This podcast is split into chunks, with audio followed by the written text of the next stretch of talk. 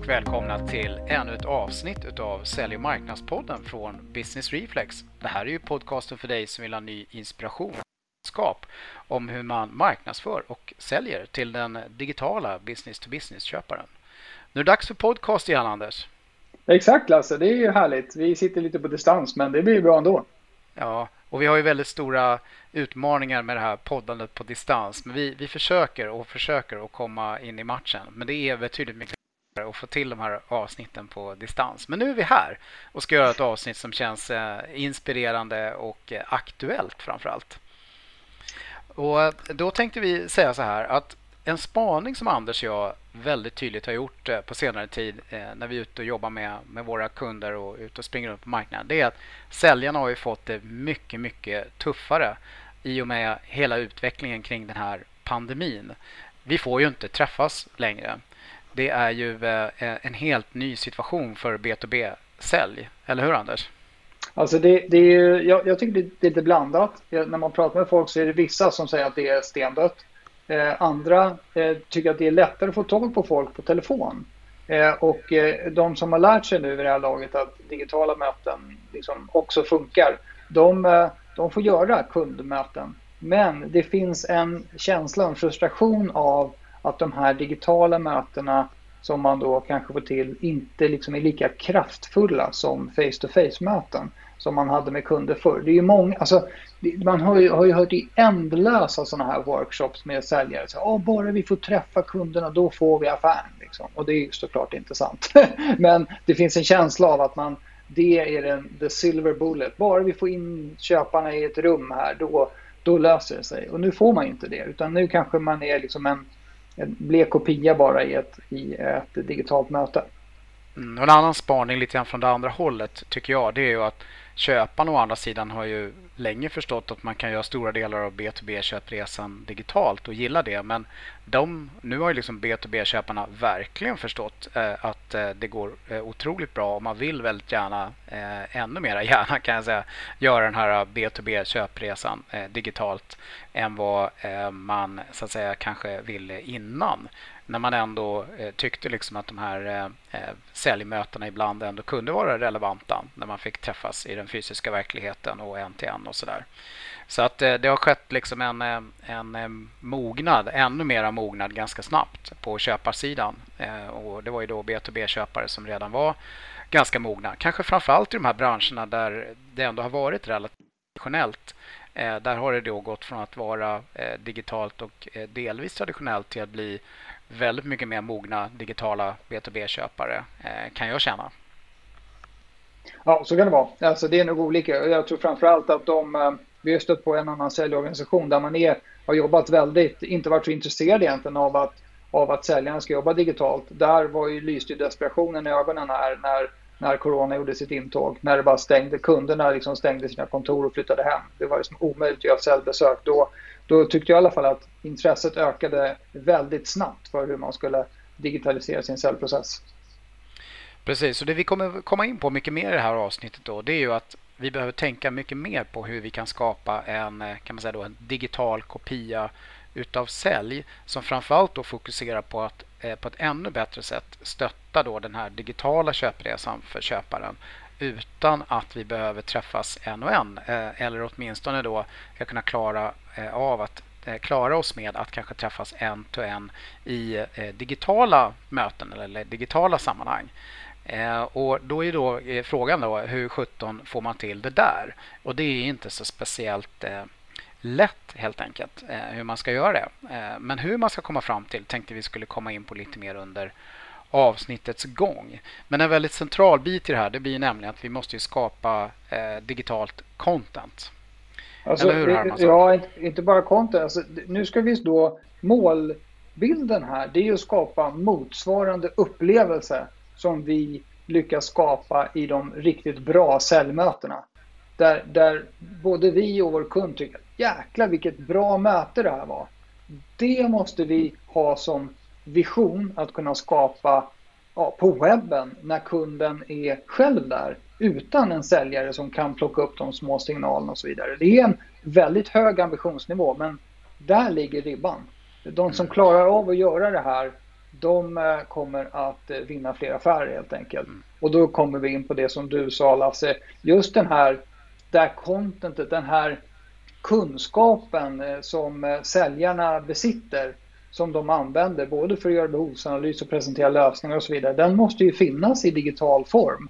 Eh, och man, man, kan ju tyvärr inte förlita sig på den här feedbacken i realtid som man får i ett möte utan här är ju köparna på egen hand.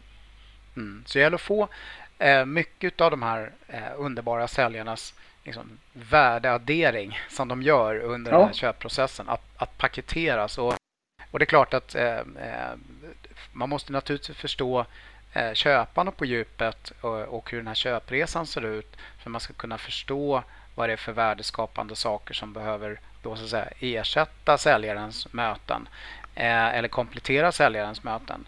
Eh, och man måste också förstå då hur det där innehållet ska paketeras då på olika sätt. Jag menar, dokument och sådana saker är ganska självklart men det här med video till exempel kan ju få en väldigt mycket viktigare roll här kanske än hur man använt video på olika sätt tidigare.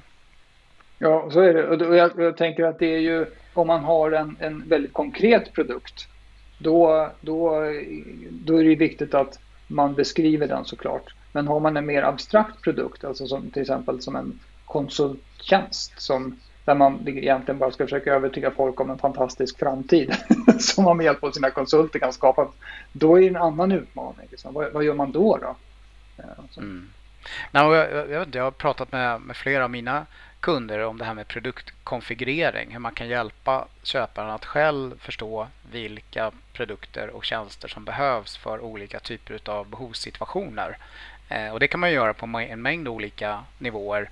Eh, men även det här med att förklara eh, eh ganska komplexa saker på ett så relativt eh, enkelt sätt som man kan ta till sig utan att någon pratar till en. Det här med infografer och, och sådana saker eh, kan ju få en helt ny roll och även att man kanske tar fram olika typer av kalkyler och sådär som går att använda eh, utav köparen eh, utan att kanske säljaren behöver sitta i samma rum och hjälpa dem att knappa ihop de siffror som behövs för att göra vissa beräkningar på en investering eller liknande. Mm. Och jag tror de flesta säljare de som har varit ute lite grann de känner ju liksom vilken story som brukar bita, som brukar, som brukar få kunderna att sätta sig lite grann längre fram på stolen liksom och, och och lyssna till. Det som kommer ut i den där, i den där informationen, det är uppenbarligen intressant. Och eh, eh, Det vi då säger egentligen med det här, det är att för att komma fram till det här, eh, för att få den här djupare förståelsen och förstå vad det är för någonting vi måste göra och vad vi måste skapa, eh, så är det ju naturligtvis eh, säljs kunskap och säljskompetens otroligt viktig och vi måste liksom sätta oss ner i eh, kreativa workshops för att eh, eh, mejsla fram det här. Och då stöter man ju då ganska snabbt på den här utmaningen att det är inte så lätt att göra sådana här kreativa workshops nu heller när vi inte kan träffas och, och, och så. Eh, och det, det, har vi ju själva fått uppleva att eh, man måste hitta liksom vägar runt. Och eh, tänkte då i det här avsnittet specifikt eh, berätta för er mer om hur man gör den här typen av workshops utifrån det här syftet som vi precis har pratat om. Eh, men även liksom lite grann då hur, hur det faktiskt eh, går till och vad det finns för verktyg för att bedriva kreativa workshops. Och våra erfarenheter Anders så här långt är ju att när man väl kommer här under skinnet så kan det kanske till och med gå att göra workshops som blir ännu bättre och ännu effektivare än vad de skulle ha varit i den fysiska världen många gånger. Ja, just det. Digitala workshops är någonting som man kanske undrar hur sjutton det ska gå till. Men eh, det, det, finns en fördel med digitala workshops. Det är att, att man, eh, man kan säga, demokratiserar lite grann. Det, det är svårare för en person att ta över rummet som det ofta kan bli när man kör workshops i ett konferensrum. Eh, om det är någon, någon person som tycker att de kan väldigt mycket om ett ämne som liksom kör på. Eh, och då fin det finns alltid eftertänksamma individer som, som är sjukt smarta men behöver lite mer tid på sig och marinera saker innan de öppnar munnen.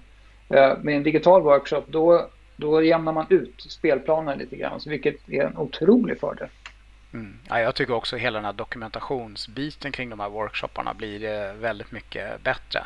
Men vi kommer komma in på mer detaljer om det här eh, alldeles strax. Så innan ni eh, på den här podcasten. För att underlätta för er lite grann så skulle ni kunna titta i eh, de här eh, eh texten som finns kopplat till det här poddavsnittet antingen i er podcaster-app eller på eh, vår hemsida www.businessreflex.se och leta reda på poddavsnittet där under Sälj och marknadspodden. För i den här äh, texten som beskriver avsnittet finns det en länk till en äh, sida där man kommer att kunna ladda ner äh, en, en som det här digitala verktyget heter. Där man kan lättare se hur det här faktiskt går till och hur man faktiskt genomför en sån här workshop. Så antingen gör ni nu, titta på den och lyssna vidare. Eller så kan ni ju naturligtvis göra det efter det här avsnittet är slut för att eh, bilda er en bättre uppfattning om det som eh, Anders och jag nu kommer att eh, beskriva. Så titta i, i de beskrivningarna som beskriver av, avsnittet så kommer ni hitta länk till det här så ni kan få tag på det. Men du Anders, jag tänkte vi kanske skulle börja med att prata om vilka som behöver vara med på en sån här workshop då. Ja, jag tror eftersom vi ska skapa en digital kopia av säljsituationen så är ju säljarna självskrivna.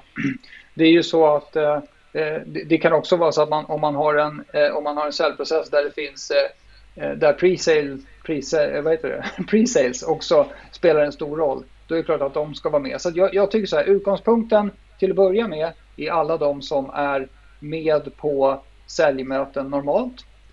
Sen tycker jag också att man kan expandera gruppen med sådana personer som man skulle vilja ha med på alla säljmöten. Säg att man har en riktigt grym produktchef till exempel som man skulle vilja ha med henne liksom på varenda kundbesök om det gick. Det är bara det att en, en produktchef skalar ju inte så bra helt enkelt i den fysiska världen. Men om man kan få med den personen som normalt liksom springer i åttor runt saker och ting på kundmötena och gör dem fantastiska, in med den personen också i, i rummet. Eh, och jag skulle vilja jag skulle vilja lägga till konsulter till den här eh, diskussionen också Anders. Eh, ursäkta jag avbröt dig lite grann där. För de kan ju också vara de här eh, riktigt grymma att ta med på de här säljmötena. Ha mycket erfarenhet av kunden efter de har köpt och verkligen kunna vara värdeadderande innan kunden köper. Just det, precis. Det är en bra, bra grej. Eh, sen tycker jag, lite beroende på företagets storlek naturligtvis, så, så känns det som att VD är ju, är ju viktig att ta med tror jag för, för att man startar en kanske lite omdaning av en viktig process för företaget här. Så att, eh, det, det tycker jag nog att det är vettigt.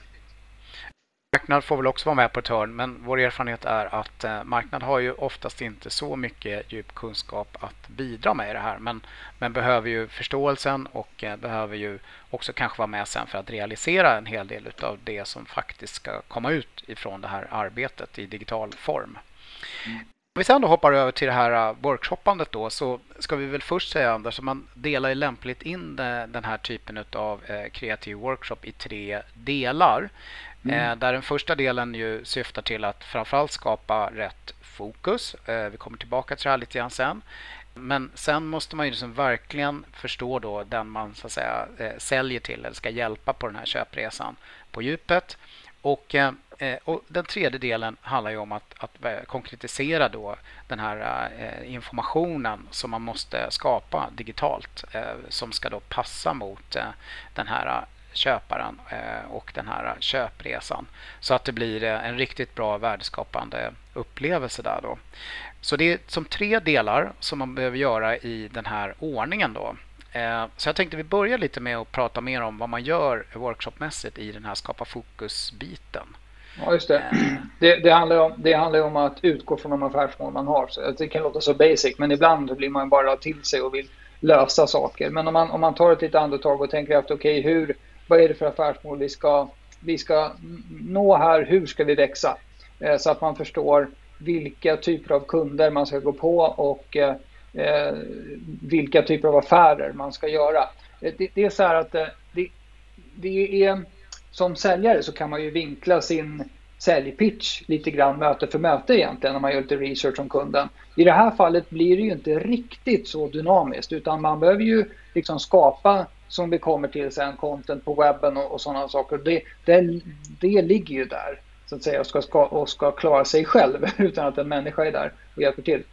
Så att därför är det ännu viktigare än vanligt att skapa ett fokus kring vilken typ av lösning och vilken, vilka typer av kunder som vi, som vi ska vara till störst nytta för.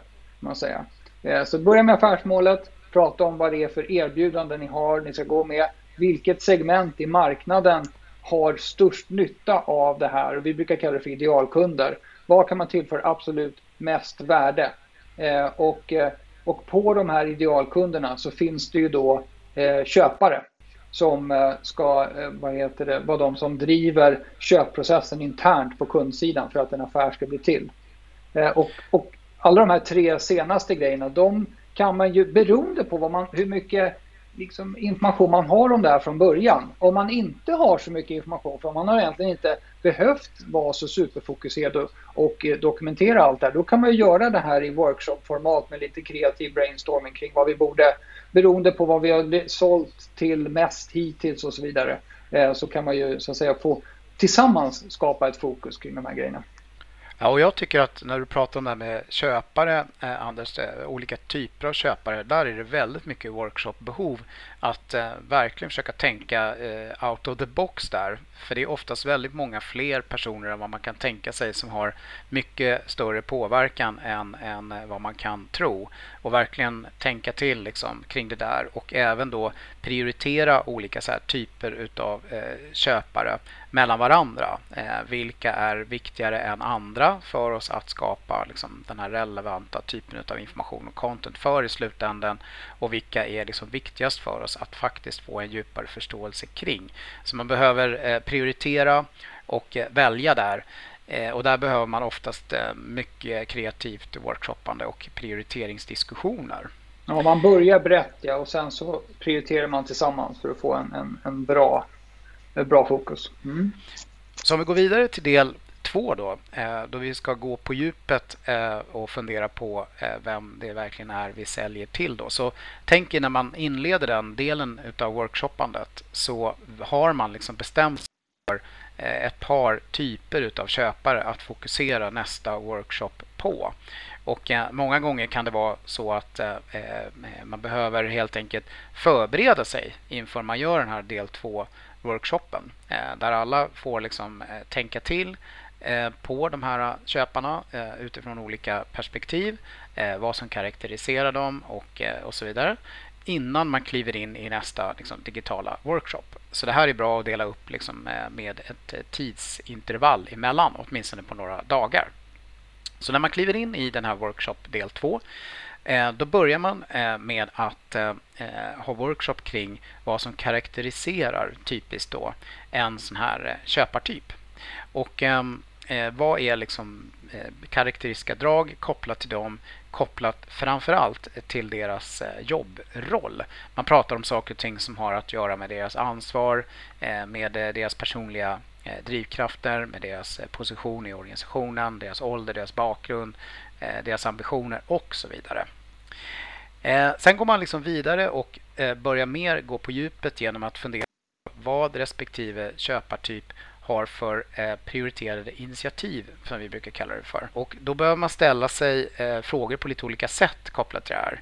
Eh, eh hur uttrycker sig eh, prioriterade initiativ? Vad är viktigast för dem kopplat till möjligheter, possibilities, eh, demands from others, challenges och threats? Och här gäller det verkligen att beskriva det som är absolut mest prioriterat i deras vardag. Och eh, det brukar oftast inte vara så många saker utan det brukar ofta nätta ner till en, två eller kanske max tre saker lite beroende på situation som är det absolut viktigaste för varje säga, eh, typ av köpare. Men när man har beskrivit det så väljer man att prioritera mellan de här eh, prioriterade initiativen och så börjar man diskutera vilka framgångsfaktorer är det som Eh, den här eh, köpartypen framförallt är medvetna om att de behöver lyckas med eh, för att bli framgångsrika med sina prioriterade initiativ. Och vad finns det för typer av framgångsfaktorer som de eventuellt inte känner till men som vi känner till att de borde känna till. Och så jobbar man vidare med det här i olika steg. Vi hinner inte gå in i alla detaljerna men på det sättet man ser en mycket djupare förståelse kring eh, deras köpresa eh, baserat också på eh, en indelning i typer. Och då jobbar man med typ 1 först och så går man vidare sen, gör samma övning för typ 2 och har man en typ 3 så gör man liksom den sist. Generellt sett i en sån här workshop är det tufft att klara av mer än två köpartyper dock skulle jag säga. Just det. Så när man har gjort det här och dokumenterat det här. Ja. Jag tänkte kolla liksom på, kan du ge någon form av exempel här på prioriterade initiativ? För vad, jag, vad jag tänker själv när jag försökte fundera på det, då är det så här, i, i varje arbetsroll eller yrke kan man säga så finns det liksom massa nice to haves men det finns vissa saker som är helt avgörande. Om vi ska ta någonting, ett begrepp som är eh, någonting som är närliggande för vår publik, våra lyssnare också, så är det så här, okej, okay, säljchefen, det finns en massa ja men vi ska utveckla våra säljare och vi ska, det, är viktigt att alla har rätt kompetens och att det är bra, eh, bra stämning i teamet. Så, ja, fast vet du vad? Du ska överträffa din budget, kära säljchef. Alltså då blir det så här, det, om du inte gör det, då är, spelar de andra grejerna in, inte så stor roll. Skulle man kunna beskriva det på så sätt? Att det finns en sån där... Ja, det tycker jag. Det är, ett bra, eh, det är bra. Det som, det som alltid är det du måste ha framför dig och som du alltid måste liksom lösa. Som är det viktigaste för dig eh, i din vardag. Eh, och det kan ju precis då vara på det viset att det är någon annan som har kommit och sagt det till dig eh, och du kan upplevas lite grann som ett, eh, som ett hot. Men det kan också eh, själv, du kan själv ha definierat det som din stora liksom, möjlighet och den som du alltid fokuserar på. Mm. Och så vidare och så vidare. Och du kan se det som din största utmaning och sådär. Så att det, det, är rätt. Du är rätt, rätt på det där Anders. Det, mm. Det är så lite grann man, man vill nätta ner det. Och det är inte alltid så lätt att komma fram till det. Men man måste liksom pressa sig själv till att verkligen tänka så som du beskrev det där. Vad är det som är det absolut viktigaste eh, eh tid till annan för mig att och, lösa? Och vi, och, och, vi kan ju säga så här, en fallgrupp där, en, en, en riktig risk. Det är att man övertygar sig själv om att det som man, som man som leverantör är bra på, att det är det viktigaste för kunden. Det kan jag säga att det stämmer inte alltid. Nej, och det brukar bli rätt jobbigt när man gör den här typen av övningar när man analyserar det här verkligen utifrån köparens perspektiv. Att det mm. kanske är svårt att se hur det vi löser kan ha en tydlig koppling till deras prioriterade initiativ. Och Det kan mm. vara samma sak med framgångsfaktorerna. De ser en massa framgångsfaktorer och det är inte alls säkert att vi mappar så tydligt mot dem. Eh, eh, och sådär. Så, att, eh, så det, här, det här kan vara lite jobbig övning samtidigt som det naturligtvis kan vara otroligt spännande när man verkligen försöker tänka utifrån köparens perspektiv och inse att titta här, här finns det liksom otroligt spännande grejer som vi verkligen kan vara värdeskapande kring och bidra med mm. på olika sätt. Just det. Och, och, och den här workshop-formatet som vi är inne på, det här handlar det om också att börja brett med någon typ av brainstorming-övning och sen så tillsammans prioritera och nätta fram det som vi faktiskt tror är det absolut viktigaste. Då. Ja, och framför allt att man får, som du sa Anders, få alla i rummet att vara med och bidra ja. utifrån olika perspektiv. Vi, för alla har erfarenheter kring de här frågorna. Eh, och det är mixen av de här sakerna som ger oss liksom det rätta svaret. Eller det bästa svaret. Yes. Sen går man, när man har den här, eh, gjort det här och eh, som ni kan se när ni tittar i det här Miroboards-exemplet eh, sen eh, så har man en väldigt bra översiktlig dokumentation på det här så att det gör, blir lätt sen att gå vidare till workshop-steg 3. Och workshop-steg 3 då bör man inte heller genomföra eh, samma dag utan man bör kanske ha ett antal dagar emellan. Och det går då ut på att komma fram då till vilken information och vilket content som faktiskt behövs här.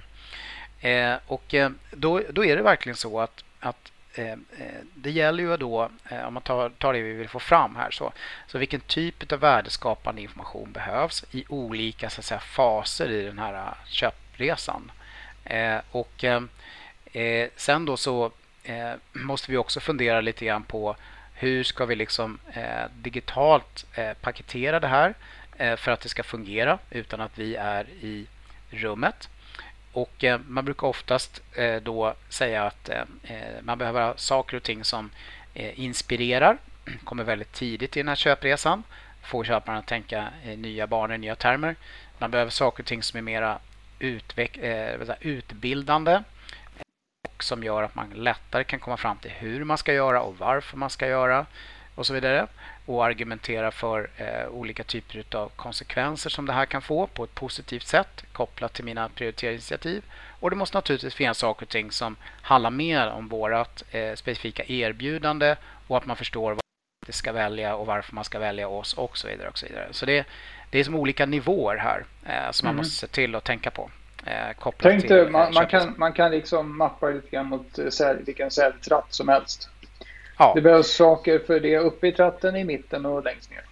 Ja, och det varierar också med köparnas mognadsgrad. Eh, de som inte alls är mogna och har en aning om vad vi säljer, de behöver mycket mer. Eh, medan de som är mycket mer mogna och förstår mycket mer om det här behöver mm. andra typer av saker och kanske oftast mindre eh, saker, eller mindre antal saker i alla fall. Så i workshopmässigt här så blir det naturligtvis brainstorm om vad är det för typer av saker vi behöver kopplat till de olika mm. faserna. Vad är det för frågeställningar vi måste hitta svaren på eh, för att det ska bli värdeskapande för köparen. Eh, man måste prioritera självklart mellan de olika sakerna för det är oftast inte så svårt att komma på många saker. Det svåra är att bestämma sig för vilka som är viktigast och som är mest värdeskapande för köparen. Och sen så måste man också workshoppa kring hur det här ska struktureras och vad det ska innehålla och också då hur det här faktiskt ska kunna tas fram tillsammans, kanske då som en team effort och med olika ansvariga. Och en hel del finns som man kanske kan återanvända och paketera om lite grann för att eh, kunna användas. Eh, så att eh, det är vad workshoppandet går ut på här. Just det. Ja. Eh, och, och tittar man på det här med digital workshop så är det ju så att eh, om man, det här är lite samma sak som i säljmötet. När man är i rummet tillsammans med en kund fysiskt då kan man ju, då kan man ju så att säga eh, vara lite spontan och dynamisk i, i hur man tar saker vidare i mötet. Eh, när man kör ett digitalt möte så vet ni att då behöver man ha mer struktur. Eh, så att det som Lasse har pratat om här, den här, den här eh, gången i workshopen, den är tydlig från början. Den är noga förberedd, de här olika stegen. Eh, det är viktigt för att inte tappa folk på vägen. Eh, det, det, vår erfarenhet är, är, att man kan ganska lätt hålla engagemanget uppe bland människor när alla får bidra. Alltså det här är motsatsen till att man skickar 100 powerpoints i huvudet på någon och förväntar sig att de ska förstå vad som händer. Det här är väldigt mycket mer engagerande att man får bidra hela tiden och tänka själv. Vilket gör att man håller intresset uppe. Eh, och, och det här med att formen för de här workshopparna som väldigt mycket liknar sådana här övningar när man sätter notisar på en whiteboard på en vägg. Eh, det gör ju att alla får vara med och bidra med det de kan Eh, och vara kreativ, tänka kreativt kring, kring lösningar som de kommer med på problem som man presenterar då för, för eh, eh, alla deltagarna. Men det är viktigt att man har en, en tydlig facilitator för workshopen som då inte kommer att ha tid att vara med i alla övningar utan man är mer den som övervakar att processen går åt det håll man har tänkt sig och att man får fram ett tydligt resultat. Så det, det är viktigt med tydliga steg och så vidare. Ja, och, och det är också så att eh, eh, man kan ju tänka då att det kan också vara viktigt att man kan dela upp det här lite större mötet i eh, lite mindre eh, möten så att man kan jobba två och två. Det behöver inte bara vara en och en eh, och sådär. Så att Eh, och eh, när man genomför eh, en digital workshop är det viktigt att alla känner sig bekväma med verktyget i början på workshopen så att det går lätt att bidra utan att man ska behöva känna någon ångest för själva verktyget som används.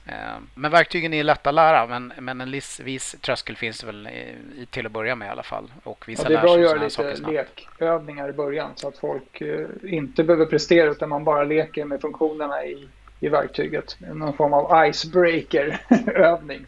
Exakt. Men det brukar gå bra. Bara man, eh, man ger det lite tid så eh, i början där så kommer det lösa det där sig.